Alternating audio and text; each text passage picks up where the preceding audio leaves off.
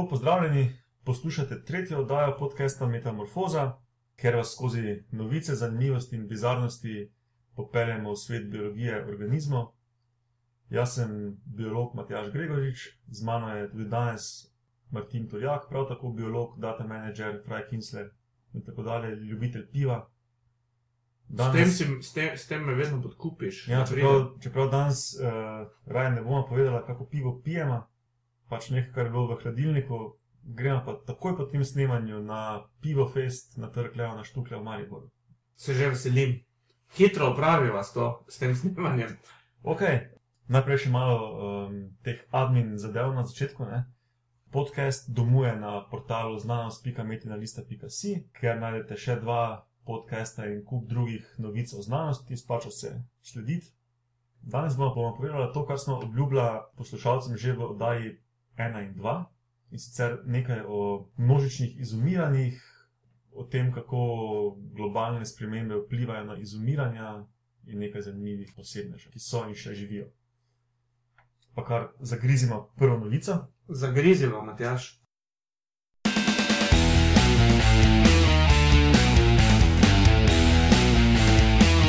Novice. Prva novica, ki ti jo bom predstavil, je o tem, o odnosih med rastlinami in njihovimi opraševalci.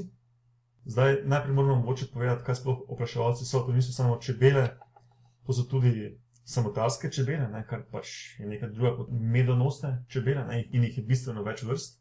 To so tudi čmrli muhe, trepetavke, ki se delajo, da so ose, to so dejansko muhe, to so tiste, ki lebdijo na mestu, pa tako hitro švigajo sem in tja. Um, tudi same ose, um, metulji. metulji, vse sorte hrošča, verjetno in tako dalje. Tudi do netopirja v Netopirja, kakih ja. ja. krajih.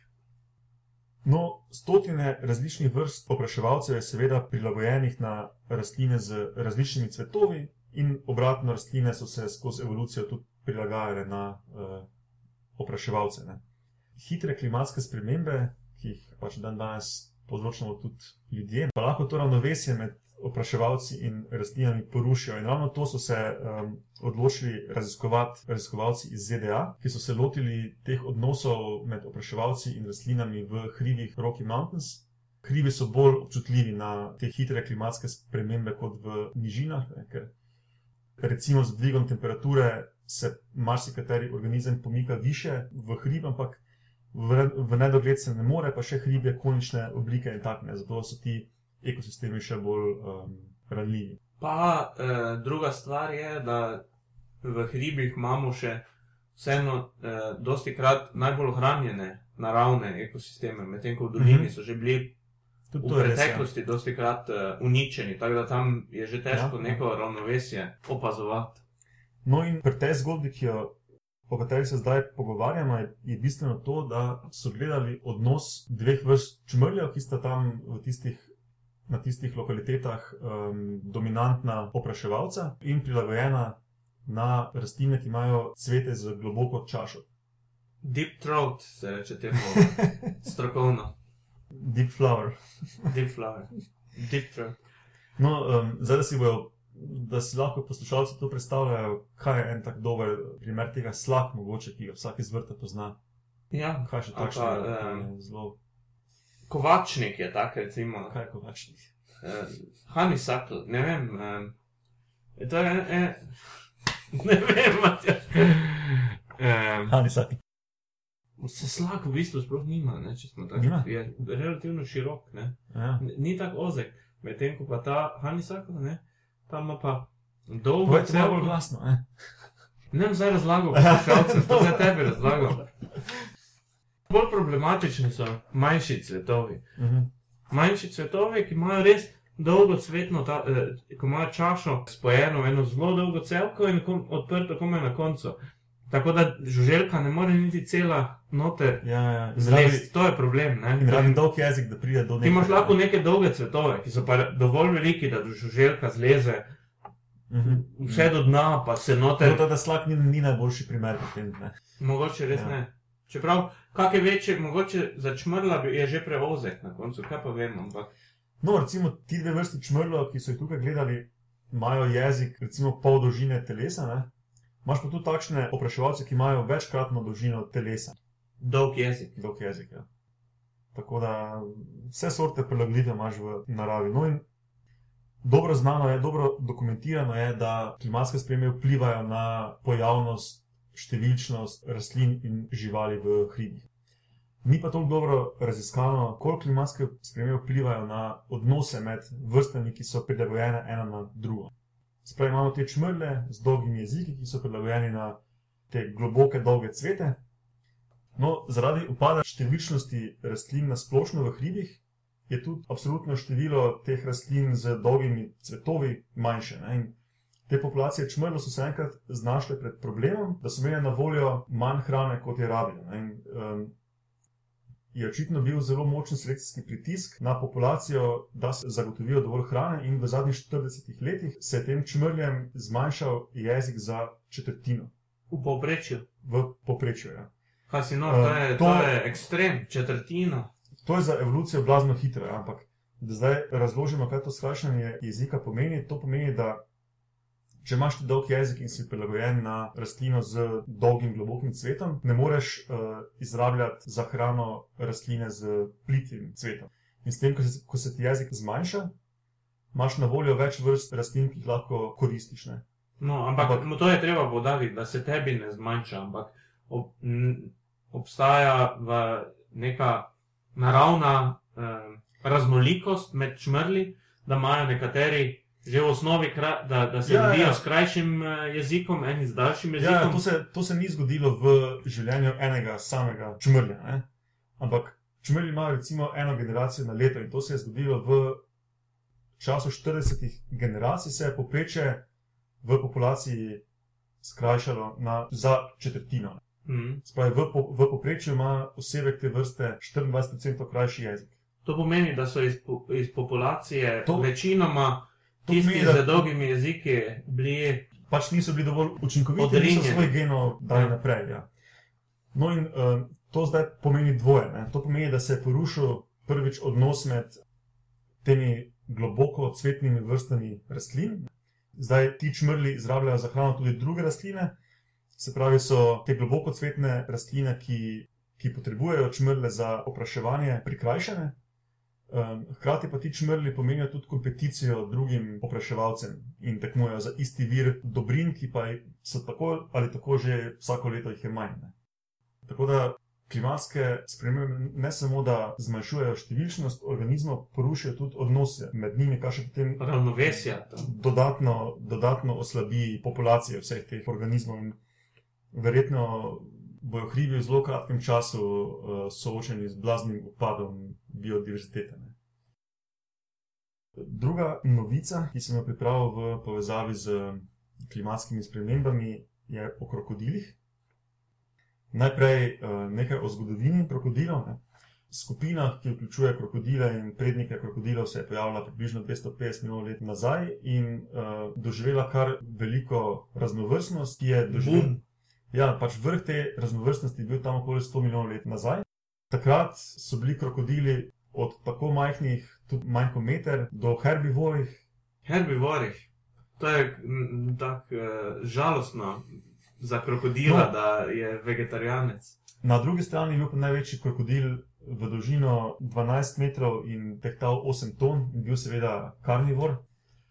Obstajali so tudi morski krokodili, ki so bili prilagojeni na, na morje kot en delfin, recimo prav z plavutmi, ali pa kot morski pes, samo da pač bil morski krokodil. Ne? Zdaj, če to posluša Boštjan Nahbar, ki tudi vodi podcast podrobnosti, ga bo zmrazilo.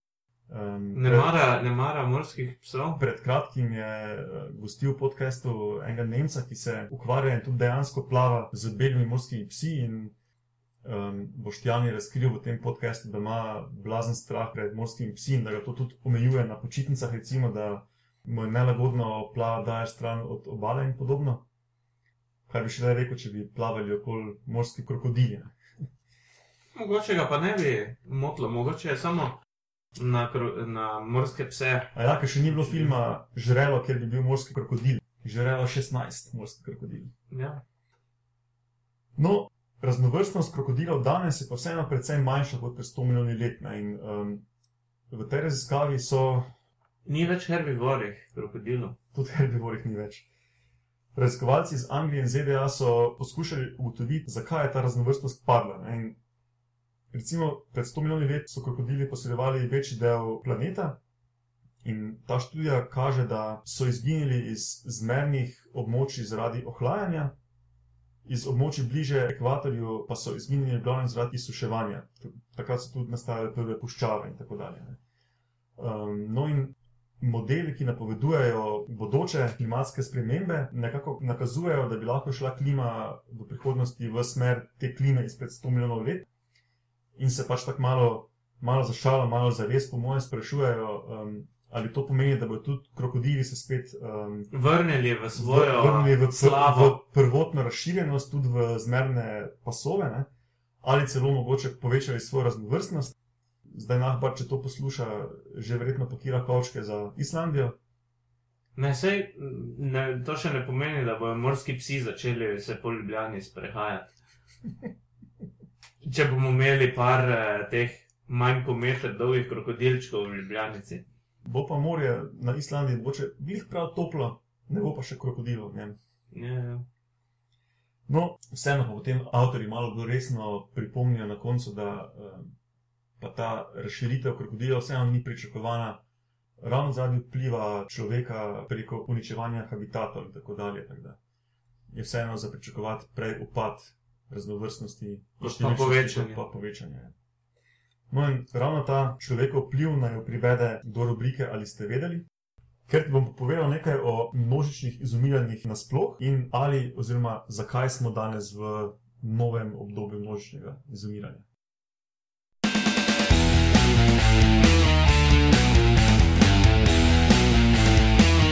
Ali ste vedeli? Zdaj najprej nekaj o tem, da izraz, sam izraz množično izumiranje ni najboljši. Ne?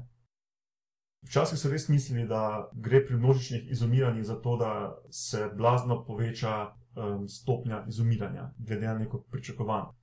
Vendar je treba vedeti, da izumiranja nenehno potekajo, hkrati pa nenehno potekajo tudi nastajanje novih vrst.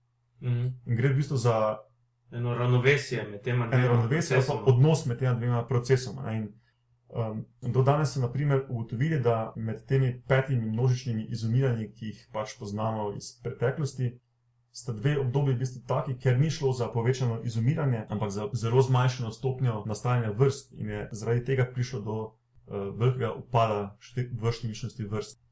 Nasploh so si pa postavili nekako mejo, da klasificirajo obdobje v množično, kot množično izumiranje ali pa množično, množičen upad raznovrstnosti, um, so to mejo postavili na 75% vrst. ne. Se Pravi, če Peten- 75% vrst je moralo je meja, izginiti. da temu rečemo, obdobje množičnega izumiranja. Ja.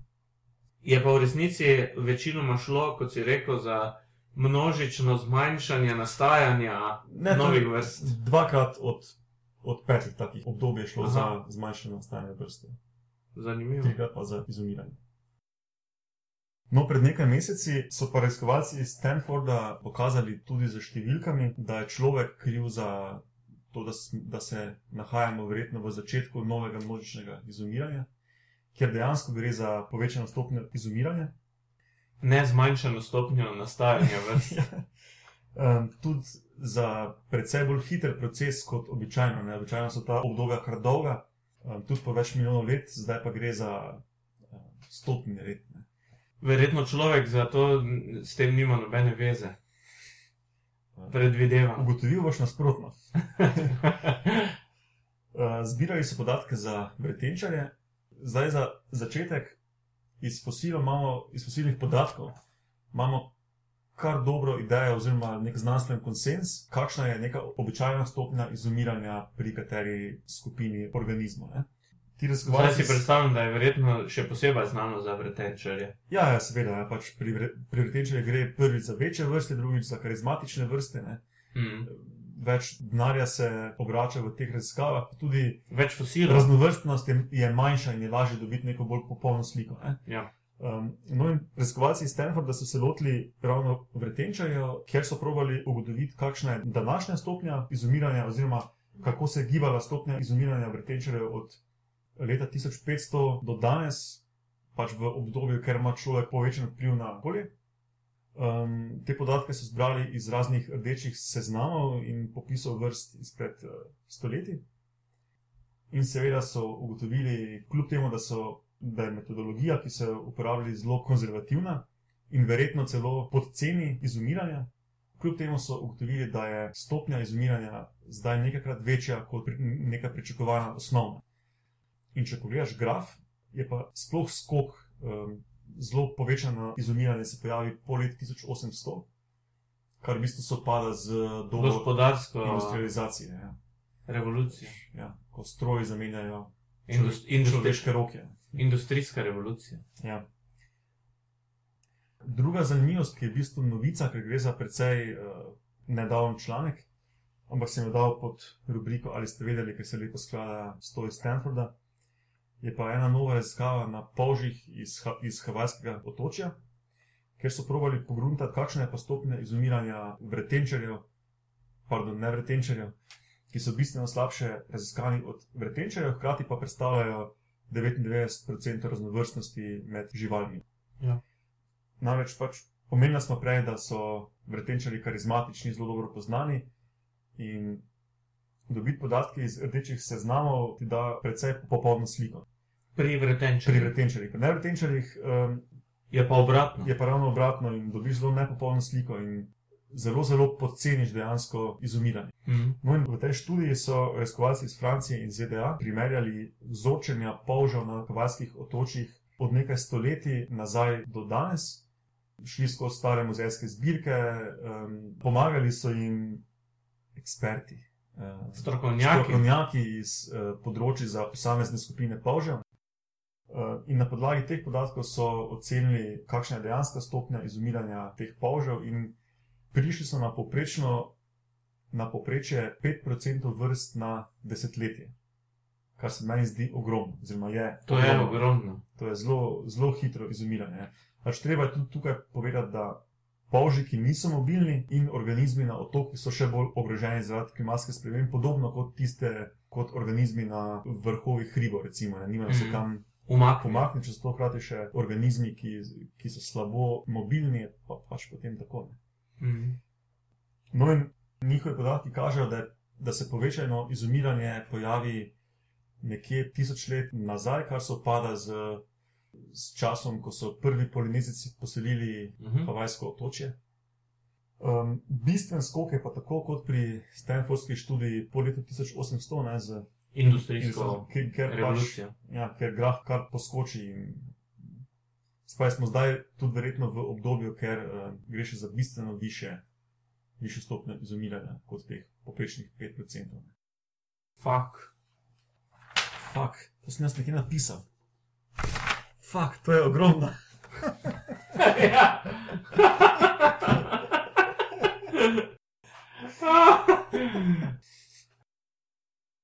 No, in zdaj, ko smo, ko smo že pri izumiranju, preidemo na vaše posebneže in na ogromne živali, ki so živele včasih in takšne, ki še živijo danes.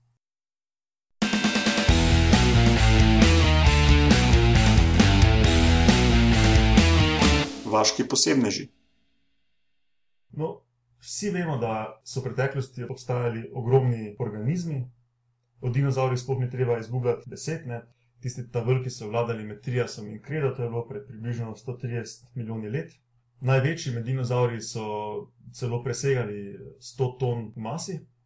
Sicer pa, ko so, ko so se pojavili v evoluciji, seveda niso bili tako ogromni, bili so v velikosti mačk. In tudi potem, v času, ko so živeli največji, so obstajale tudi vrste, ki so bile majhne. Ne. Tako da šlo je za, za eno paleto velikosti. Ne. Mhm, so razpon. Od mečkenih do teh orjakov.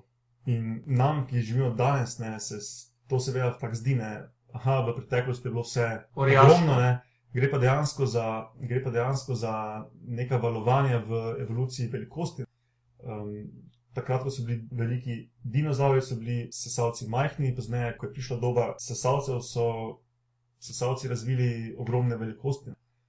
In še nedavno so živeli mamuti, tisti veliki lenivci v Južni Ameriki, recimo.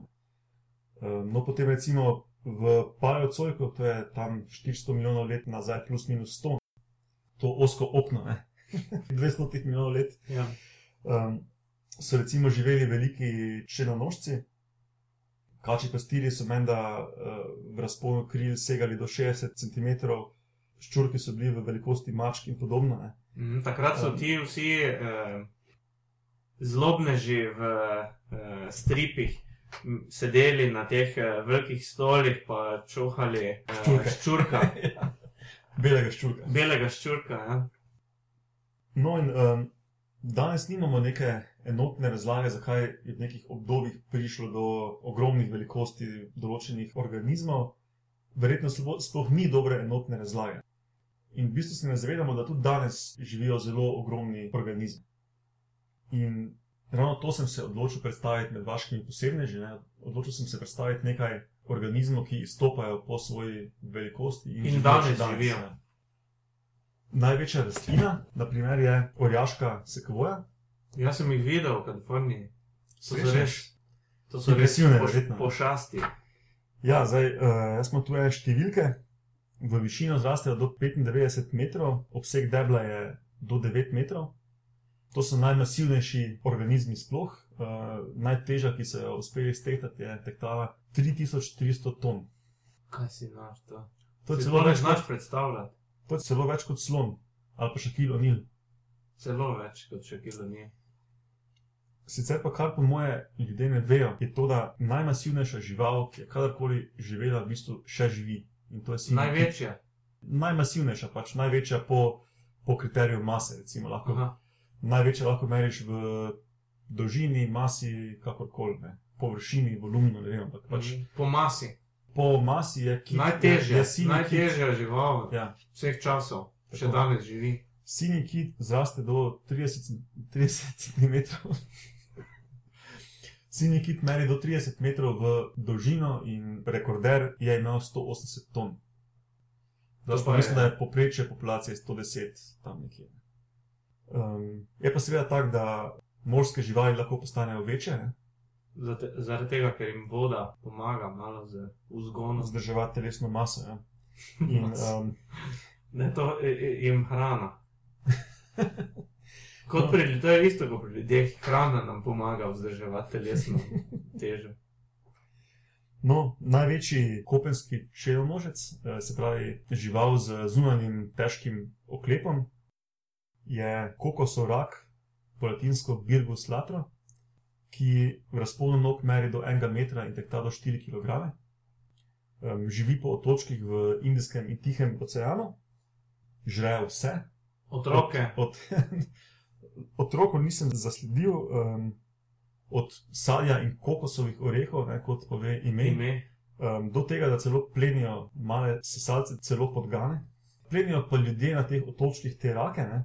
Aha, In- tako da je. Na, ne, na nekaterih otokih so jih celo že iztrebili, tako da danes so ti raki zaščiteni. Raki otroke, uh, otroci pa. Otroci, ko rake. zrastejo, pa rake. Ja. Kandidat za najdaljšo žival je ob sinjem kitu še ena vrsta meduze. Meduze. Po angliško uh, rečejo tej meduzi Lion's Mane Jellyfish, uh, po latinsko Cianeja capillata. Gre za meduzo, ki ima um, klobuk premera do 2,5 m, lovke se pa raztegajo tudi čez 30 metrov. Zverina. Resnično zvelina. Ja, to, to so nevarne živali. Ja, Zdaj v bistvu spet strašimo Boštjana Nahbarja. Ne? Ne, ne, ne, njega samo Matjaš, njega samo morski psi skrbijo. Medu, jaz um, nisem nikoli slišal, da bi uh, bežal pred meduzami. Ampak jaz ga tudi ne poznam. Mogoče Ampak iz prve da je itak vemo, da, da ti ne hodiš v more ravno pogosto. Ne? jaz sploh ne grem iz stanovanja pogosto, Matjaš, tako da. Imaš prav. No, um, če se slučajno, če pa boš slučajno šel na morje in se zapletel v lovke te meduze, bo samo blaga reakcija. Razen če boš ugotovil, Da si sem alergičen. Ja. Potem pa, ampak če si alergičen, te tudi. Se, Čebela. se tudi pri čebeljem piku slabo piše. Vse zato se pa zapiram v stanovanje, ker nočem ugotoviti, da sem alergičen na karkoli. No, zadnji vaški posebnež, ki sem ga pripravil, je pa največji enoceličar. Spravi največji organizem, sestavljen iz ene celice. In ta celica je velika do 10 cm. tvojega buljenja oči poslušalci ne vidijo. Ja. Uh, tako sem bil šokiran, da sem brez besed ostal. En centimeter veliki organizmi, Gre sicer za več. enocelični. Ja, ja, enocelične, pa gre za večjedrno celico. Čakaj, 10 centimetrov, Ja, sem rekel ja. 1 centimeter. Ne vem, možno. 10 No, centimetrov veliki. 10 cm velika celica, ki ima sicer več jeder, ne? Aha. nima samo enega jedra. Ta celica izloča nek organski cement, biocement, pač neko snov, na katero se prijema pesek iz dna oceana. In ko ta celica raste, s tem cementom gradi tak mrežast preplet stotin in stotin celk. In v teh celkah potem ta celica prebiva. Mhm. Ta preplet celk je lahko tudi, tudi večji kot 10 cm, tudi do 20 cm. Potem so nekatere celke tudi prazne in jih poselijo drugi Mhm. morski Ja, organizmi. ker ta recimo- organizem bolj živi samo v Ja, ja. delu teh celk. recimo ka- kakšne gliste najdejo, potem menda Zavetišče. življenjski prostor tam noter in tako. ne. Si predstavljam, da tudi kakšni reakciji majhnih verjetno ali kaj takega. Odvisno, kako globoko to živi. drugač pa je latinsko ime te živali Syringamina fragilissima, kar menda pomeni krhka peščena pipa. Opisal jo je en oceanograf, ki je sam ni videl uh, v, v morju, ne so mu jo pač poslali, ko niso vedeli, kaj to je. Um, tako da on je pač ta preplet celk dobil um, posušen in malo poškodovan, rahlo sploščen na svojo mizo v muzeju in je pač potem to opisal, Opisal. kot krhko peščeno pipo. Ok, in to tudi zaključi današnji podcast. Hvala, Matjaš, bilo je zelo zanimivo. Um, povemo še enkrat, da podcast gostuje na portalu znanost.metinalista.si, ker gostujete še dva podcasta in meni lahko ljudje težijo na uh, Twitterju, at Matjaš Gregorič, tudi ti si na Twitterju. ne? Ja, et uh, M. Turjak. Drugač pa lahko uporabljajo še hashtag metamorfoza ali pa pišejo na Facebook, na Metini listki ali pa na Twitter račun Metini listki v povezavi z našim podcastom. Neomejene možnosti. Ok, zdaj pa jaz že čutim suho grlo. Pivo Mislim, da- čaka, mislim, da pivo čas za čaka, pivo ne.